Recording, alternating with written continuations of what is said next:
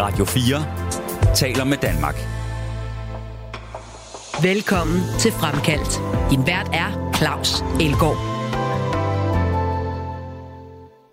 Han er måske den mest anonyme verdensstjerne, der nogensinde har spillet fodbold i Danmark. Han nåede 108 landskampe, over 100 kampe for AC Milan og næsten 150 kampe for Udinese. Han har også spillet både i Premier League og i Bundesligaen, og selvfølgelig er det Thomas Helve. I dag lever han et meget diskret og tilbagetrukket liv i Odense.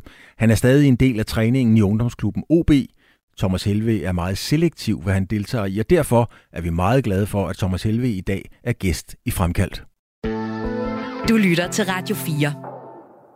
Thomas, da jeg øh, parkerede bilen herude, så sad jeg og kiggede lidt. Jeg har haft, jeg har kommet rigtig, rigtig meget i OB. Jeg begyndte faktisk at komme hernede, da du øh, blev dansk mester som ungdomsspiller og rykke op på, på, i 89 på, på seniorholdet. Og jeg kunne ikke lade være med at grine, da jeg gik ind, fordi de blå døre er de samme blå døre. De blå skabe, lige når man kommer ind, tror jeg også er de samme blå skabe. Og der hænger sådan nogle øh, ventilationssystemer ude på væggen, som også er de samme. Der er ikke lavet meget om. Det er noget gammelt lort, noget af det, men det er jo fantastisk. Hvad rører det i dig, Thomas, når du kommer ned i OB efter så mange år? Jamen, om, omgivelserne er jo... Øh, du har beskrevet det øh, så fint, Claus. øh, de er, som de var. Øh, og øh, det seneste nye, det har du måske lagt mærke til, det er, at vi har fået et nyt OB-hus. Mm-hmm. Hvor de gamle tennisbobler, de lå... Øh, det, det, det er nok mest øh, innoverende, der har været her. Og så har vi jo vores anlæg er blevet anlagt med øh, stort set kunstgræs på, på øh, samtlige træningsbaner. Så det, det, det er det, vi kan byde på af nyheder. øh, ellers ligner det sig selv. Øh, der er blevet mail hist og pist, ikke? og der er nogle pavilloner, der er blevet flyttet. Mm. Derfor har vi fået OB-huset. Men øh, ja. Hvad, det, gi- hvad giver det dig, Thomas? Fordi øh, man kan sige, nogen føler en vis forpligtelse til ligesom at give noget tilbage. Det, det, det tror jeg, du er befriet for. Men, men, men hvad giver det dig at, at være her? Altså, hvad er det for nogle tanker, der sætter i gang hos dig? Jamen, det der med at give noget tilbage, øh, det er ikke sådan, så jeg har det som et åh hen over min skulder, at nu skal du huske, men jeg har en fornøjelse ved det. Mm. Øh, og OB har jo været den klub, hvor jeg har spillet øh, ja, stort set alle mine ungdomsår. Jeg har lige været i, i Dalum og tidligere endnu i St. Clemens, mm. øh, men OB er jo der, hvor jeg øh, blev teenager og, og hvad skal man sige, får noget, noget, øh, noget mere... Øh, ej, det lyder forkert at sige, rigtig træning, men ja. det er jo der, hvor, hvor man begynder at finde ud af, hvad, hvad vil man med sin fodbold, andet end at bare have det sjovt. Øhm, det sker hernede i Ådalen, og, og derfor har jeg jo også en, en hvad skal man sige, en, en, en et, et tilhørsforhold, som, som er øh, noget specielt. Mm. Øhm, jeg ved ikke, om du er bekendt med det her Øens Hold-koncept, vi har, hvor jo, vi samarbejder med alle klubberne på Fyn, ja. øh, og hvor spillerne rundt omkring øh, kommer ind til nogle forskellige træninger osv. Øh, I det forløb, så er der nogle spillere, der kommer til klubben og begynder at finde fodfæste herinde. Øh, så det der med at komme til en klub af OB-størrelse på Fyn, øh, er jo også en, en, hvad skal man sige, en indirekte drivkraft frem mod noget, man gerne vil. Fordi mm. alle fodbolddrenge og piger derude, de vil jo gerne være ligesom dem, de ser på fjernsyn, eller ude på stadion. Ja. Og det er jo en drivkraft, der bliver, øh, øh, hvad skal man sige, intensiveret en lille smule, når du kommer ned i et øh, elitemiljø her, Øh, du kan sagtens komme ned og spille på et andet eller tredje eller et fjerde hold, mm. hvor forholdene er ligesom i alle de andre klubber. Men når du kommer ind i det, der så er OB's akademi for eksempel, så, øh, så er der jo en målsætning, og det er jo at dygtiggøre sig på bedst mulig måde med håbet om, at man en dag kan stå ud på stadion. Men hvis du nu tænker tilbage på, da du selv var en af dem, der gerne ville spille fodbold, der havde du jo også øh, nogle tanker om, du ville gerne være, være fysioterapeut. Jeg tror også, du havde en tanke om, at du måske skulle være bankassistent osv. Altså, du havde nogle, nogle plan A, B og C-agtigt. Dem, der kommer herind, de vil kun fodbold. Ja. Øh, hvor, hvorfor var du ikke sådan dengang? Altså, hvorfor var det ikke kun fodbold, der talte for dig? Jamen, jeg tror egentlig det, nu har jeg siddet og tænkt lidt over det, øh, at jeg har været sådan en, jeg har været drevet lidt af nogle, nogle øh, drømme og af naivitet. Mm-hmm. Og mangel på, øh, på den helt ret, øh, rette retning. Øh, så det der med at, at være hernede i OB, jeg kom hernede som 13-årig, øh, kom jeg fordi, at, at øh, jeg blev spurgt, om jeg havde lyst til at komme ned og spille klubben, og det ville jeg jo gerne. Mm. Øh, så det gjorde jeg. Men jeg kom her ikke ned, fordi at jeg skulle nå det, som jeg så har nået. Jeg kom, fordi øh, det kunne være fedt at komme ned og spille i OB med nogen, der var dygtigere endnu. Ja. Og øh, det er jo først, faktisk da jeg blev senior, at jeg begynder at gøre mig nogle overvejelser. Jeg går på gymnasiet og får min studentereksamen. Undskyld. Men det var først efter, jeg, jeg faktisk blev seniorspiller, og jeg står med øh, noget kontraktfornyelse, og øh, på et tidspunkt, hvor man også hælder lidt til, om man skal gå ned og kun være simmeproffer her i mm. klubben. Mm. Der var jo en svær, svær tid. Øh, hvor man begynder ligesom at stå op og reflektere en lille smule, hvad, hvis det er tilfældet, hvad, hvad gør vi så? Og der havde jeg jo haft, netop som du siger, øh, en plan A og en plan B og en plan C. Mm-hmm. Fysioterapi øh, havde jeg jo så stiftet bekendtskab med igennem nogle skadesforløb og sådan noget der, øh, og synes det var ret spændende og blev kasseret, fordi at jeg, min karakter var ikke god nok til at komme ind under kvote 1, og kvote 2, der blev jeg også øh, sorteret fra. Um, har du nogensinde tænkt på, Thomas, hvad der var sket, hvis du var kommet ind og var blevet fysioterapeut? Altså, hvordan din karriere og dit liv så havde Nej, ja, det, det, har jeg ikke, øh, det har jeg slet ikke tænkt over. Men jeg er ret sikker på, at så havde mit forløb inden for fodboldens verden ikke været på, på det her niveau. Det havde det ikke. Nej. Men kan man, kan man i dag, med, med det pres og den konkurrence, der er med akademier og alle mulige ting, kan man komme ind til en stor klub, OB, FC Midtjylland, Brøndby, AGF osv., øh, og have en plan A, B og C, eller når man er 18 år og kommer ind ad døren her, skal man så bare være fokuseret på, at det er det her og kun det her? Jeg vil sige, at du øh, er ikke afstumpet, forstået på den måde, at, at øh, man faktisk gør det, det ved jeg her fra, fra OB's side af, man, man gør faktisk noget ud af, at i de tidlige ungdomsår, eller i de sene ungdomsår, inden du overgår til seniorfodbolden, øh, fodbolden, at der også er fokus på, på uddannelse. Det vil sige, at man skal have gjort sin folkeskole færdig, ikke? og man er også behjælpelig med at, og, øh, at finde den rigtige vej og den rigtige uddannelse. Øh, om det så hedder gymnasium, handelsskole eller pokker det så hedder. Så det, det får de unge spillere så også hjælp til, og det synes jeg, det er jo fantastisk, at klubberne varetager øh, det ansvar. Øh, I øvrigt sammen med spillerne selv, og mm. også deres familie og, og pårørende. Øh, og det er jo netop fordi, det ved vi også udmærket godt, at de der 20-25 spillere, vi har på vores U17 og U19, det er ikke alle sammen, der får lov til at komme ud på stadion og spille, Nej, når de bliver seniorspillere. Langt fra. Langt fra. Så det er jo, øh, det er jo øh, ansvarligt, kan man sige, at, at, at sørge for, at, at der er en vej for alle. og nu ved jeg da hernede fra, fra vores egen Superliga-trup, at der er flere, der, øh, der tager noget øh, studie ved siden af, mm. dygtiggør sig selvom de har etableret sig her og spiller stort set fast på, på vores første hold. Så. Men kan man det i dag, Thomas? Altså, kan ja, det kan du godt. Det kan man godt. Det kan godt det, kombineres. Ja, det, det synes jeg godt, men det, det kræver jo. Altså, i og med, at, at du kræver at, at, at, at vælge fodbolden øh, på det her niveau, så vælger du rigtig mange ting fra. Mm-hmm.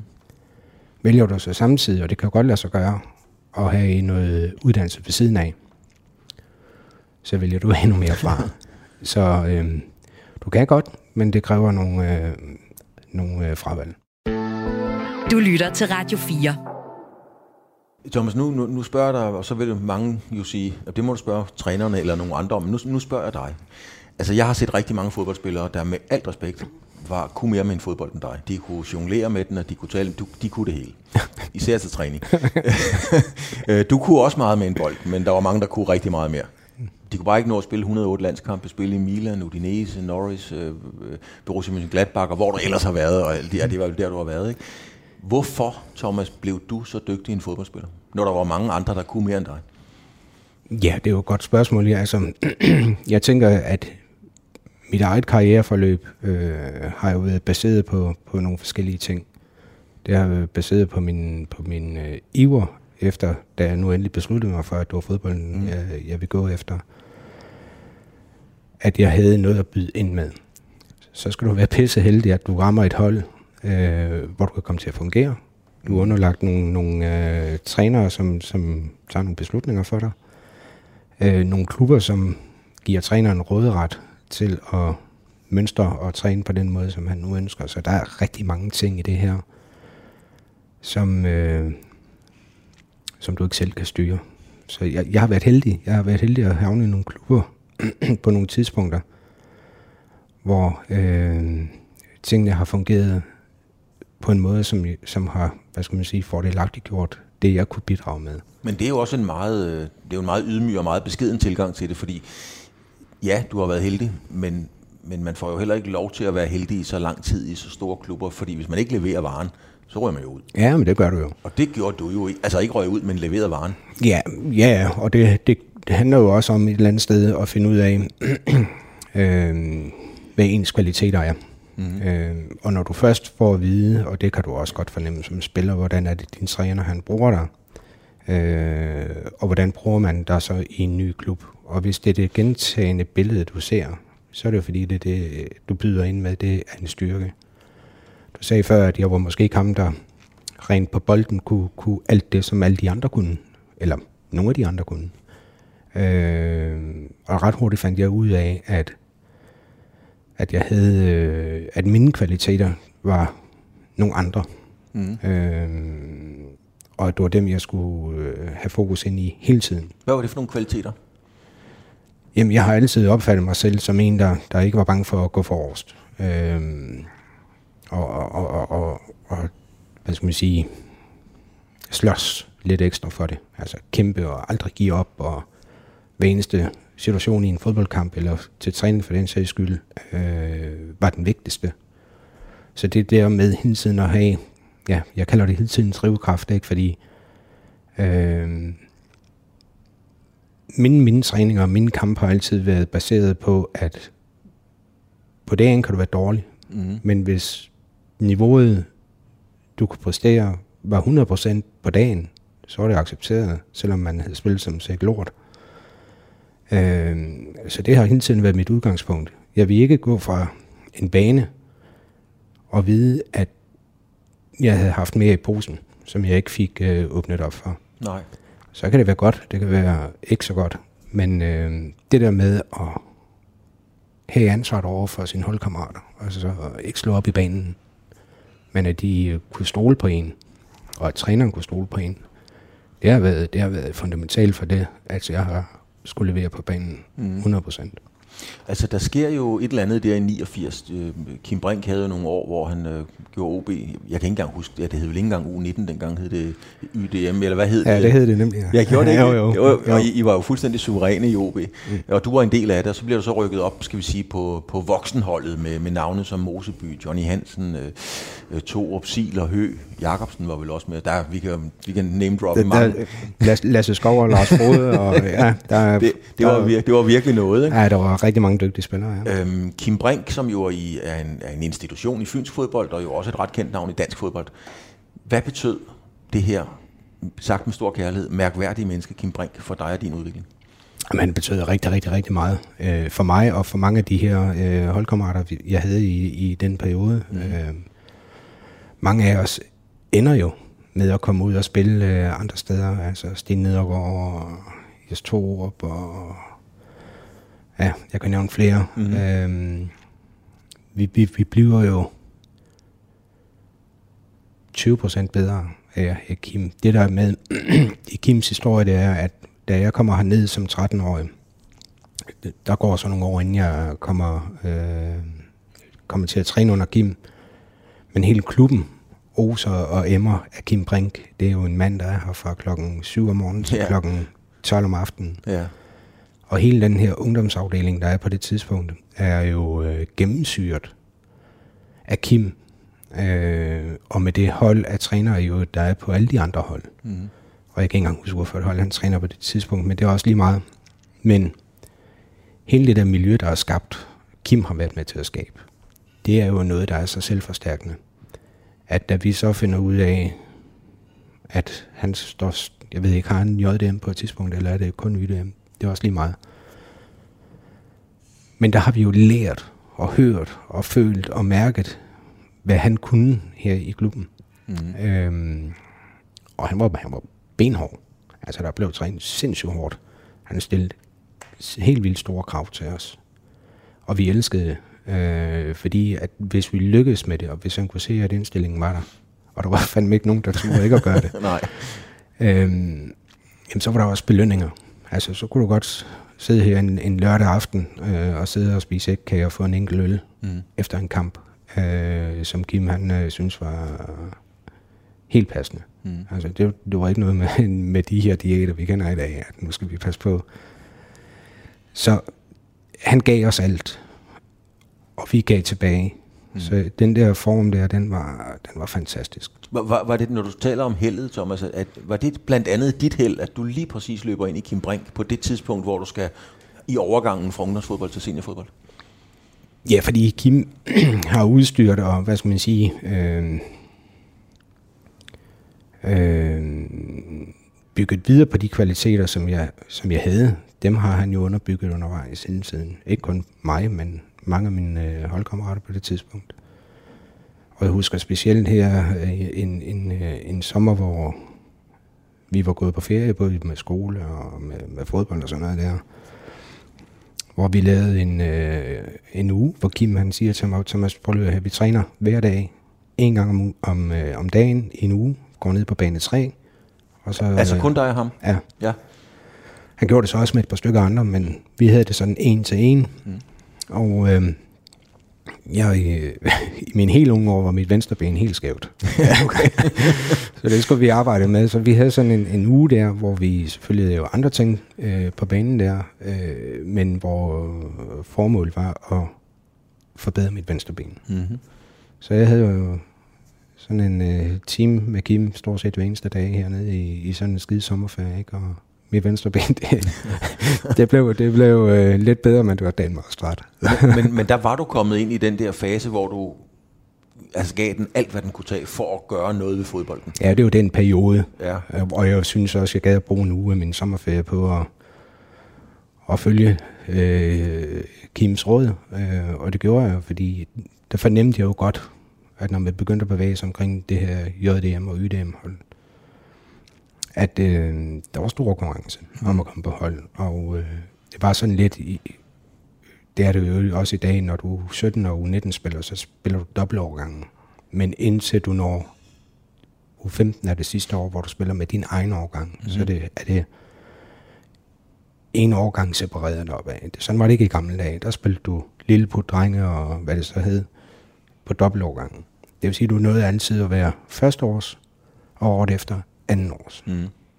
Og der kan jeg huske, at, at øh, som første års var det jo et helvede, ligegyldigt om du var helt nede på de små årgange, eller om du var oppe på de store. Altså var der ikke så mange førsteårs, der spillede. Øh, og på JDM og YDM var der super stærk konkurrence, fordi der kom jo stadigvæk spillere fra nogle af de andre klubber, der gerne vil at spille den her øh, nationale liga. Mm. Så der var ikke så meget plads til de første år, så jeg tror sådan, der har vel været et snit på to til tre spillere af førsteårsne, der startede. Øh, og den der øh, lyst til at blive en af de tre, som førsteårs, der kunne starte inde på et JDM eller på et YDM, var jo fantastisk. Fordi så det var jo det var lærepenge lige ned i lommen. Ja. Øhm. Men den, den indstilling, Thomas, øhm, fordi det er jo tydeligt for lytterne nu, når du taler, du, jo, du er jo meget, meget øh, ydmyg i din øh, udlægning af dig selv, med, med det CV, du i øvrigt har.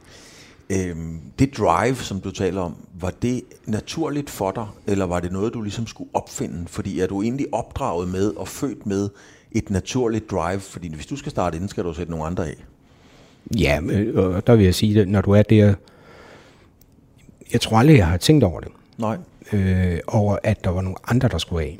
Jeg tror bare, jeg har tænkt på, at jeg vil være den bedste. Mm.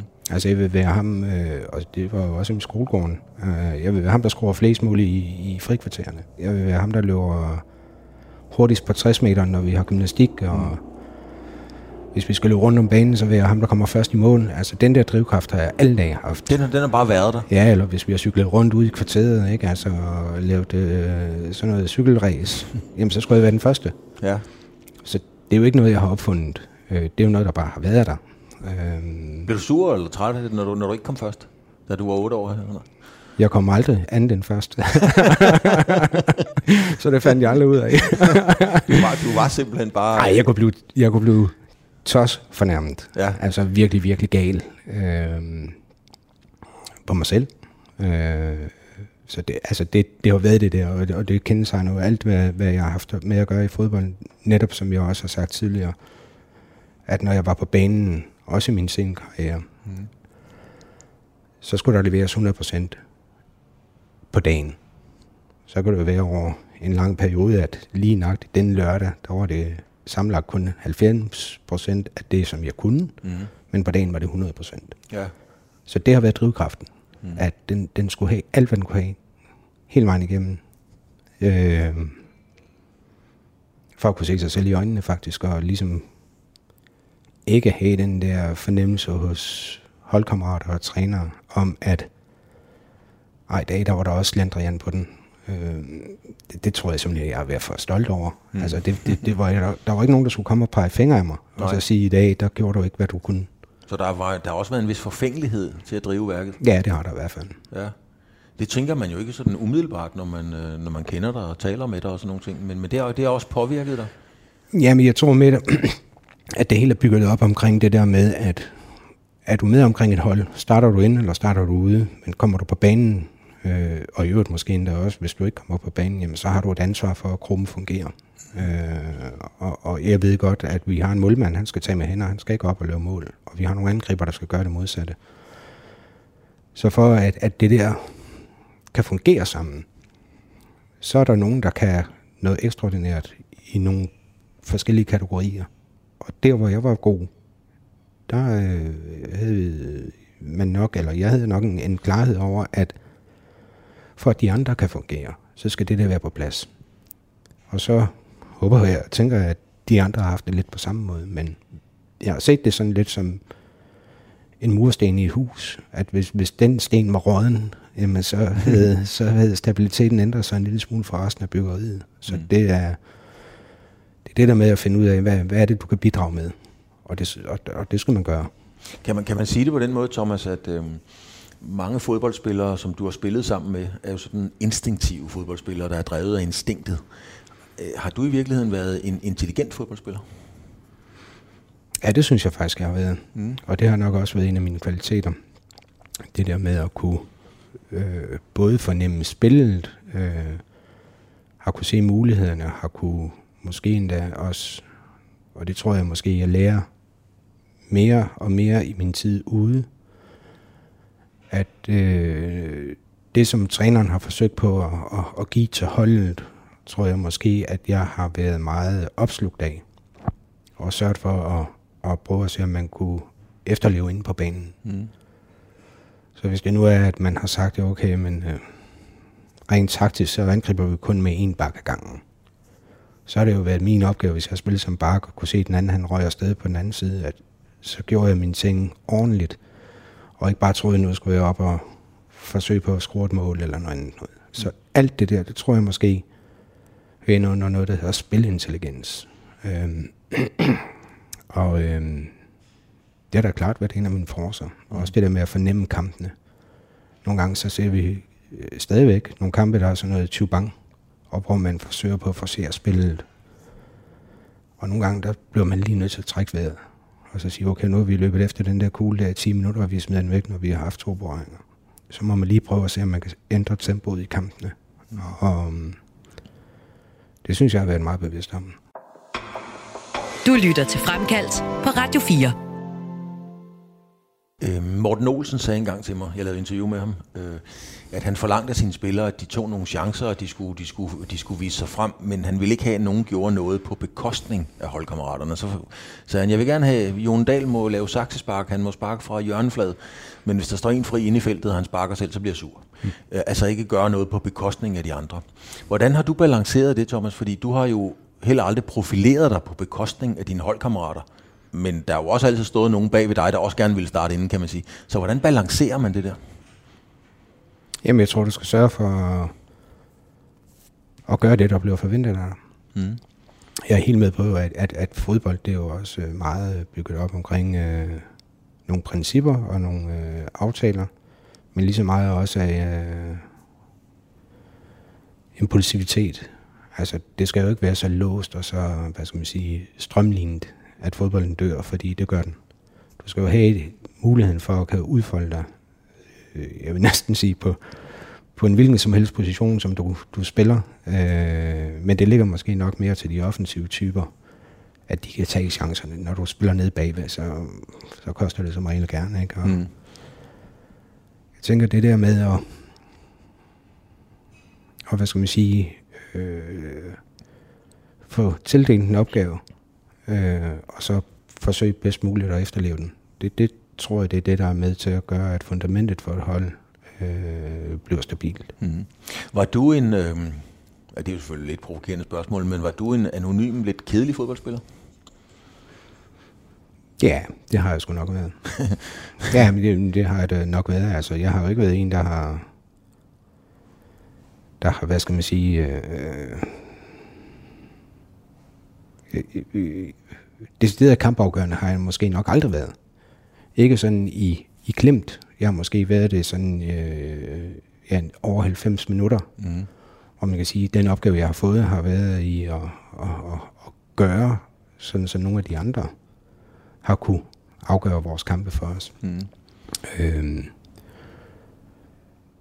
det, det synes jeg nu ikke er, er, er en anonymitet i sig selv, men knap så i øjenfaldende. Hvordan vil, du have, hvordan vil du have haft det i dag, hvor man jo også har sin egen forretning rigtig meget på de sociale medier, og man skal ligesom feede det hele tiden også og sådan nogle ting. Kunne du det? Vil du give det? Nej. Nej. Det, det tror jeg simpelthen ikke på. Altså, jeg er kun til nøds på, på noget i Facebook øh, med fire eller syv venner. Ikke?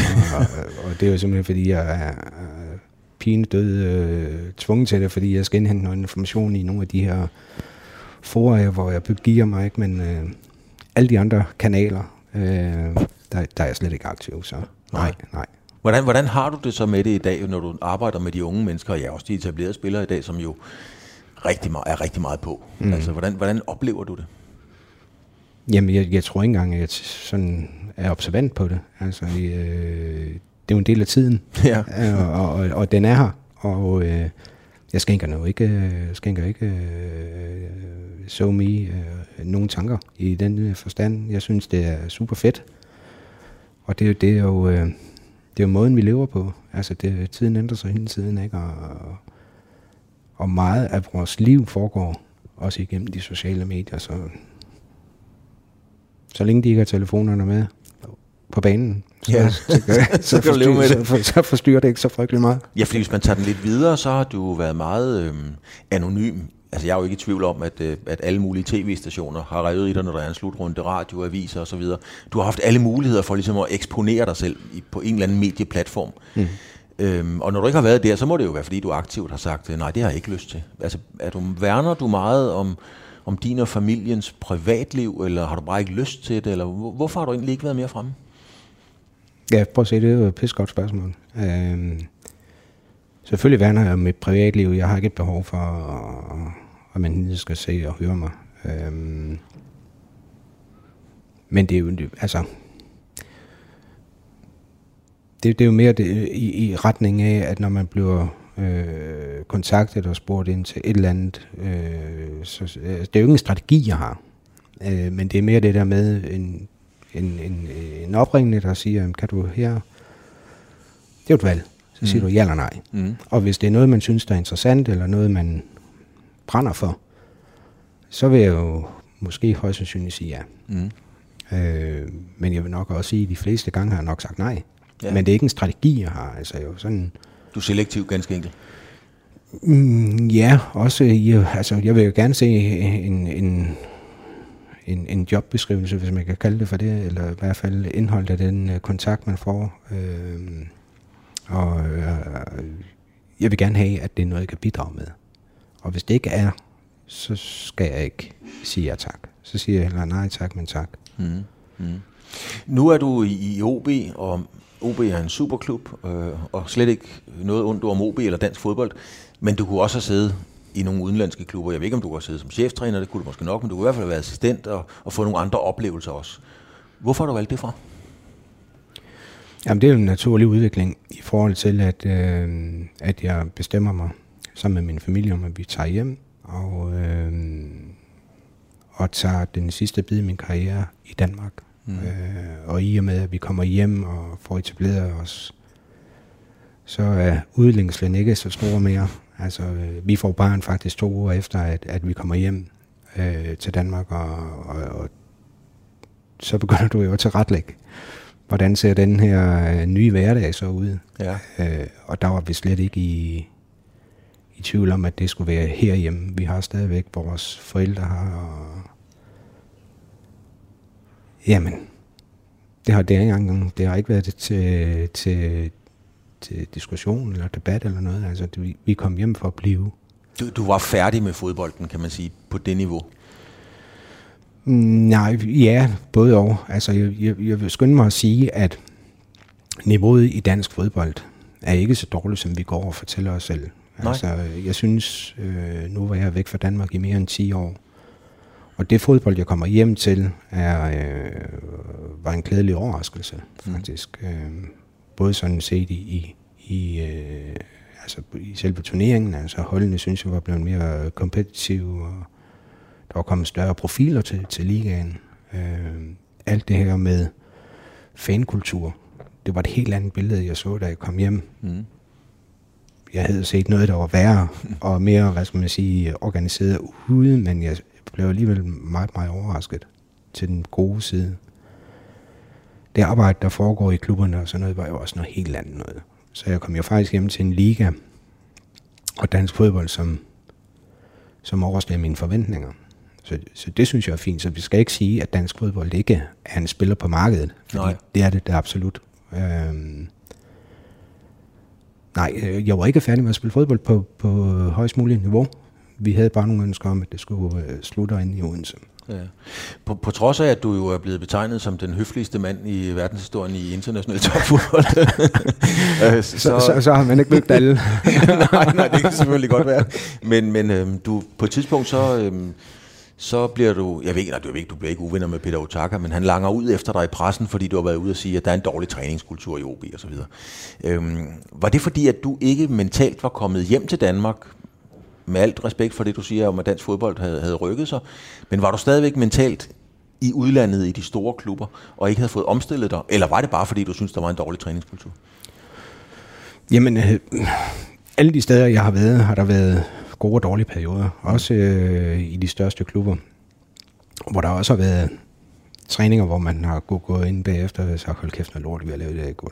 Og, øh, og jeg, jeg, husker, jeg husker den der øh, Utaka-ting der, ikke at Peter og mig øh, var sådan stridige på den måde der, men i forbindelse med en eller anden kamp, øh, får vi en af de her flash-interviews, og øh, jeg var godt træt af, at vi har spillet virkelig ringe. Mm. Og der blev jeg stillet spørgsmål, og det, det får jeg svaret på, på en på en meget, hvad skal man sige, øh, lige måde øh, ud af posen -agtig. Altså, og det er jo nok det, jeg, jeg også er. Altså, når mm. jeg siger mine ting, så siger jeg mine ting, fordi jeg mener dem. Øh, og der kom vi vel nok for en, en, en, en, øh, en uge, hvor vi øh, godt kunne have gjort det bedre.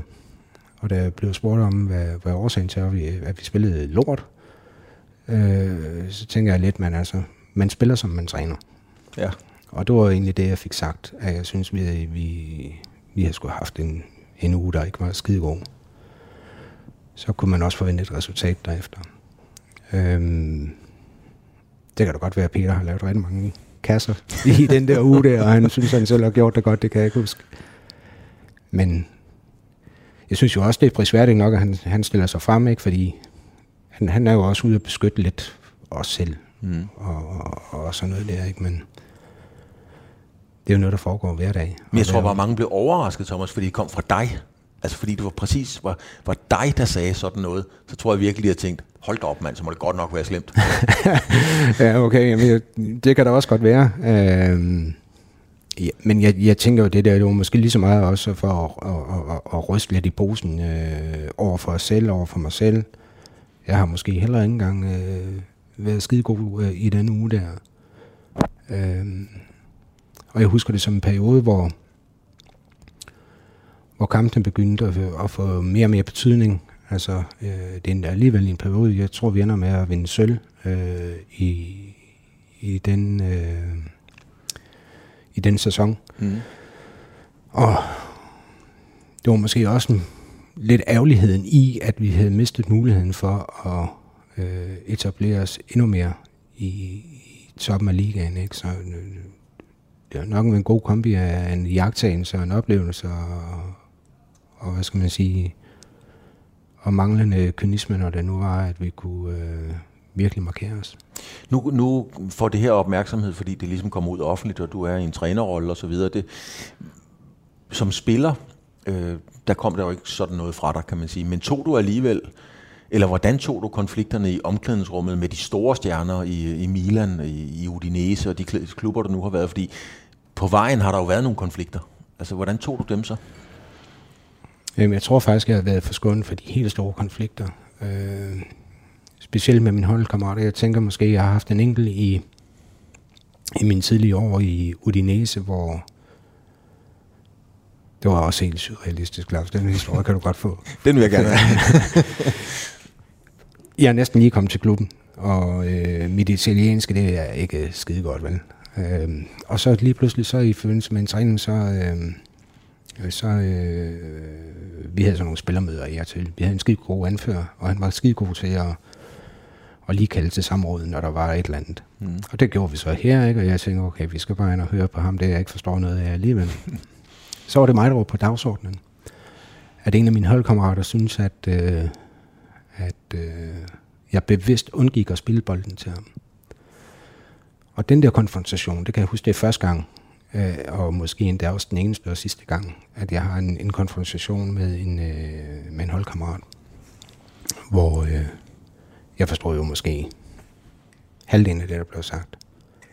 Og så skulle stå sandsvar, ikke? Altså, jeg opfatter mig selv som en, der ikke, hvad skal man sige, vælger folk fra, øh, og, og, slet ikke det der med ikke at vil spille med dem. altså det der med at blive beskyldt for at bevidst undgå at spille bolden til en, en, en medspiller, det, det synes jeg, det var, det var voldsomt. Og øh, vi fik den clearet, og jeg måtte jo bare sige, at jeg prøver på det. Ja. Og, så døde den jo i princippet lidt der. Men var, var det ubehageligt for dig? Eller? Ja, sindssygt ubehageligt. Ja. Også det der med, at du slet ikke kan give, hvad skal man, give igen, fordi du, du magter ikke at, at snakke sproget, du hersker det ikke. Nej. Så det der med at kan give øh, indsigt i, at man ikke har gjort noget bevidst, øhm, det er fandme en svær øvelse, ikke? Ja. Øh, så det der med at virke troværdig øh, og få forklaret tingene ordentligt, i stedet for bare at sige øh, yes, I try-agtigt øh, på italiensk, så øh, det, det, det, det, det er jo en, det er en lortesituation, altså, mm. for at sige det som det er, ikke? Men altså, vi fik snakket, ikke? Og, og det, det var jo hele holdet der ja. sad der, ikke?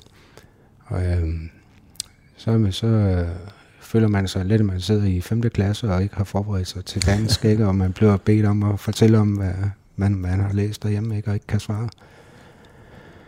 Så havde vi så en opsamling på det, hvor anførende, og så ham, den pågældende spiller og jeg, vi lige fik snakket sammen og så videre, ikke? Og så fik vi ordnet det, ikke? Men Sådan er det. Men når du har undgået de der konflikter, øh, som der er, og det er jo, tror jeg, lige meget om det er et fodboldomklædningsrum i Milan, eller om det er en journalistisk arbejdsplads, eller hernede i OB, altså når voksne mennesker er sammen, så er der jo konflikter, desværre. Sådan, sådan er det jo skruet sammen. Ikke? Men når du har undgået dem i det fag, du har været i, er det så fordi, du har været øh, konfliktsky, og det ved jeg jo godt, det ikke er, men er det, eller er det fordi, at de ikke har betragtet dig som, skal man sige, en trussel, fordi du ikke var den store stjerne, sådan, altså der kunne tage noget fra dem? Eller hvad er forklaringen? Ja, altså de steder, hvor jeg har spillet, har jeg jo ikke været stjernen. Der har været mange andre, der har, mm. der har været bejlere til det. Og samtidig med, at jeg vælger faktisk også at tro en lille smule med, at, at, øh, at min indstilling på banen til træning og kamp har jo været det der med at bidrage til holdet, mm. og ikke at tage noget væk fra holdet. Øh, holdspiller, kan ja. man sige. Ja. Har jo egentlig gjort, at, at, at øh, det har været nok i sig selv til ikke at skulle konfrontere mig med noget. Altså, og så de der store konflikter, synes jeg faktisk heller ikke, jeg har oplevet i et omklædningsrum. Det er meget, meget få gange, jeg har set det. Så det, det handler jo også lidt, lidt om, hvordan er det, du øh, positionerer dig? Hvordan er din fremtoning? Hvordan er dit, øh, dit samspil med gruppen? Mm. Øh, det tror jeg, det, det kan redde dig for mange øh, situationer, der godt kan blive sådan lidt øh, peber chili mm. Men med den holdning og den tilgang, du havde til det, var du så en naturlig anfører egentlig? Ja, det ved jeg ikke. Det skal man jo spørge alle mulige andre om. Men, men jeg tænker, at, at øh, jeg gik aldrig på kompromis. Nej. Øh, og jeg var heller ikke bange for at stille krav til mig selv, eller til mine holdkammerater. Så kunne jeg se, at der var noget, der skulle strammes op på. Så tog jeg fat i nakken på mig selv. Øh, jeg fik fortalt til, til dem, der nu havde måske behov for en, en hjælpende hånd, og, øh, og prøve at, at se, om vi kunne stramme op sammen. Øh, og det tænker jeg, det, det, om du har et bind på armen, eller om du ikke har, så er det jo en hver spillers øh, ansvar at sørge for at bidrage. Mm. Ikke kun med det, du kan på banen, altså med bolden eller uden bold, men også øh, alt det, der foregår jo øh, imellem linjerne. Øh, jeg kan sagtens forstå, at unge spillere måske ikke har pondus og status i hierarki og sådan noget til, de synes, at, at, at, at det er det, de skal. Øh, de tør måske ikke, det kan også godt være. Men jeg tænker, som, som en fornuftig rutineret spiller, så er, det, så er det jo også en af de ting, som du skulle kunne, det er at, at, at, at sørge for, at, at tingene går i den rigtige retning hele tiden. Og også understrege det, når det går godt. Altså, så er det jo også stadigvæk vigtigt, mm. at man får det sagt. Så det her det er fandme vejen frem. Øh, vi bliver ved med det, ikke? Du lytter til Fremkaldt på Radio 4. Thomas, hvor tæt var du på, øh, det er jo forkert at sige på en stor klub, fordi du har jo ligesom været i, en del store klubber, men, men hvor tæt var du på, skal man sige, sådan et, om ikke drømmeskifte, men det skifte, du egentlig gerne ville have haft, fordi med det niveau, du spiller på, der var en lang periode, hvor du stort set ikke var skadet, øh, dit bundniveau var fantastisk, du var på landsholdet, og alt det der. Du var attraktiv, det er jo hævet over enhver tvivl. Hvor tæt var du på noget, hvor du tænkte, åh, det ville jeg egentlig gerne have prøvet, når jeg lige kigger tilbage? Jeg fortryder på ingen måde min karriere. Nej. Øhm, heller ikke de der sådan lidt mere sjove skifter. Altså min, min tid fra italiensk fodbold til engelsk fodbold, hvor der var mange, der slet ikke kunne forstå. Øhm, men øh, jo, jeg har, jeg har haft i min, øh, i min bedste år i Italien selvfølgelig henvendelser, hvor jeg har sagt, nej, det er ikke nu, jeg skal det. Og hvis du ikke øh, smider, mens jern er varmt, så, så kommer der nogle andre til, ikke? Så jo, ja, øh, men jeg fortryder det på ingen måde. Altså Nej. slet ikke. Øh, men, men var du tæt på, altså var der sådan noget Juventus, Barcelona, Real Madrid, eller hvor var vi henne altså på de der, på skalaen? Ja, det er nok op i den kategori øh, af klubber, som, øh, altså på det tidspunkt spiller jeg jo i, i Milan, og, og Milan er vel nok øh, top 5 i Europa på det tidspunkt. Øh, og jeg synes godt, jeg kunne huske nogle navne på nogle af dem, der også lå i den top. Mm. Så øh, jo, der blev holdt øje. Der blev holdt øje. Mm. Øhm, du spiller jo for, for Milan, og så spiller du også for Berlusconi. og øh, nærmere præsentation af Berlusconi er jo ikke nødvendig. Hvor meget tænkte du, fordi du er jo en, øh, en, en person, der tænker over det, du er en del af. Og du har også tænkt over selvfølgelig, at du er en del af Berlusconis show. Han brugte fodbolden til at promovere sig selv, og på den måde brugte han jo også dig, kan man sige. Ikke? Mm. Hvordan havde du med det? Så er vi tilbage til min øh, naivitet, Claus. Fordi alt, alt det der støj der, der har været, det tror jeg faktisk, at jeg været rigtig, rigtig god til at filtrere i. Mm. Og måske endda også derfor, at, at jeg har, øh, hvad skal man sige, kunne navigere rundt uden at møde øh, alt for mange sjove cases. Berlusconi var jo en, en øh, markant skikkelse i øh, italiensk øh, politik, blandt andet. øh, og gjorde så bemærket øh, på andre måder. så han, han øh, var en meget, meget stærk personlighed, og øh, så jo også ideen i, i øh, at være ejer af, af, af en fodboldklub, fordi han kunne bruge det. Han kunne bruge det i, i, øh, i mange andre dele af hans erhvervsliv. Øh, jeg er ret sikker på, at inden for det politiske er der rigtig, rigtig mange Milan-fans, der har sat et kryds ud for Ballerskolens navn. Det er der stensikkert. Fordi sådan hænger tingene bare sammen, specielt i Italien. Mm. Så der har været noget bevidsthed omkring det, at, at han har kunne promovere sig, og i øvrigt, hvis man så også ejer nogle tv-stationer, jamen så kan man jo få det billede ud, man gerne vil have. Mm. Så det har der været en ret stor øh, strategi omkring, det er jeg slet ikke i tvivl om. Men det var ikke noget, du brugte tid på at, nej, at, nej. at tænke på? Nej, altså jeg tænkte slet ikke i politiske retninger eller alt muligt andet. Jeg var øh, en glad fodboldspiller, som havde øh, fået en super kontrakt og spillet for en øh, fantastisk klub. Mm.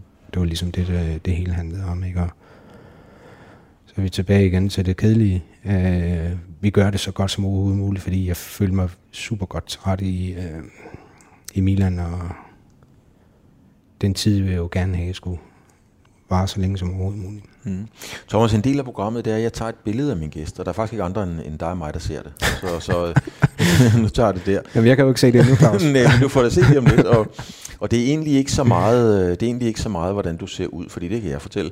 Du sidder og jeg tror sgu, du har den kampvægt, som du havde. Altså, det, det kan ikke være mange kilo til forskel. Du sidder hakket godt ud, du har fået lidt, uh, lidt skæg, du har en uh, stille og rolig uh, grå sweatshirt på, og et par uh, stille og rolige jeans. Der er ikke noget, der glimter uh, på den måde. uh, hvad er det for en mand, vi har siddende der, Thomas? Hvor er du i livet nu i forhold til, hvor du havde håbet, frygtet, troet, du var for måske 10 år siden? I hvert fald det sted i livet, som jeg ikke har kunne forudsige. Mm-hmm. Uh, det er helt sikkert. Øhm, jeg tænker, jeg er et sted, hvor, øh, hvor jeg godt kan lide at være. Altså, øh, jeg har heldigvis en, en sund og rask familie, og, og øh, er nu øh, arbejdsmæssigt tilbage et sted, hvor jeg føler, at jeg hører til. Mm. Øhm, et sted, hvor jeg kan bidrage. Et sted, hvor øh, alle mine oplevelser der har med sport at gøre, øh, at de har andet sted. Så øh, det er fedt. Altså, jeg kunne ikke, øh, for 10 år siden, tror jeg ikke, jeg kunne have ønsket mig at sidde andre steder end lige nøjagtigt i den stol. Noget, jeg lægger mærke til, Thomas, øh, fordi det er noget, jeg gør i alle programmerne. Og når jeg taler med mennesker, der er kommet op i årene, jeg fylder selv snart 60, så kigger de lynhurtigt på billedet af dem selv, og så kigger de væk, og så kan de ikke lide at kigge på det. Du har ingen øh, skavanker ved at kigge på, på dig, ganske enkelt, lægger jeg mærke til. Nej, ved du hvad, det er, nu er ikke så meget det, men det er jo mere det der med, når man fokuserer ind i det der, ikke, så får du også nogle billeder frem. Mm.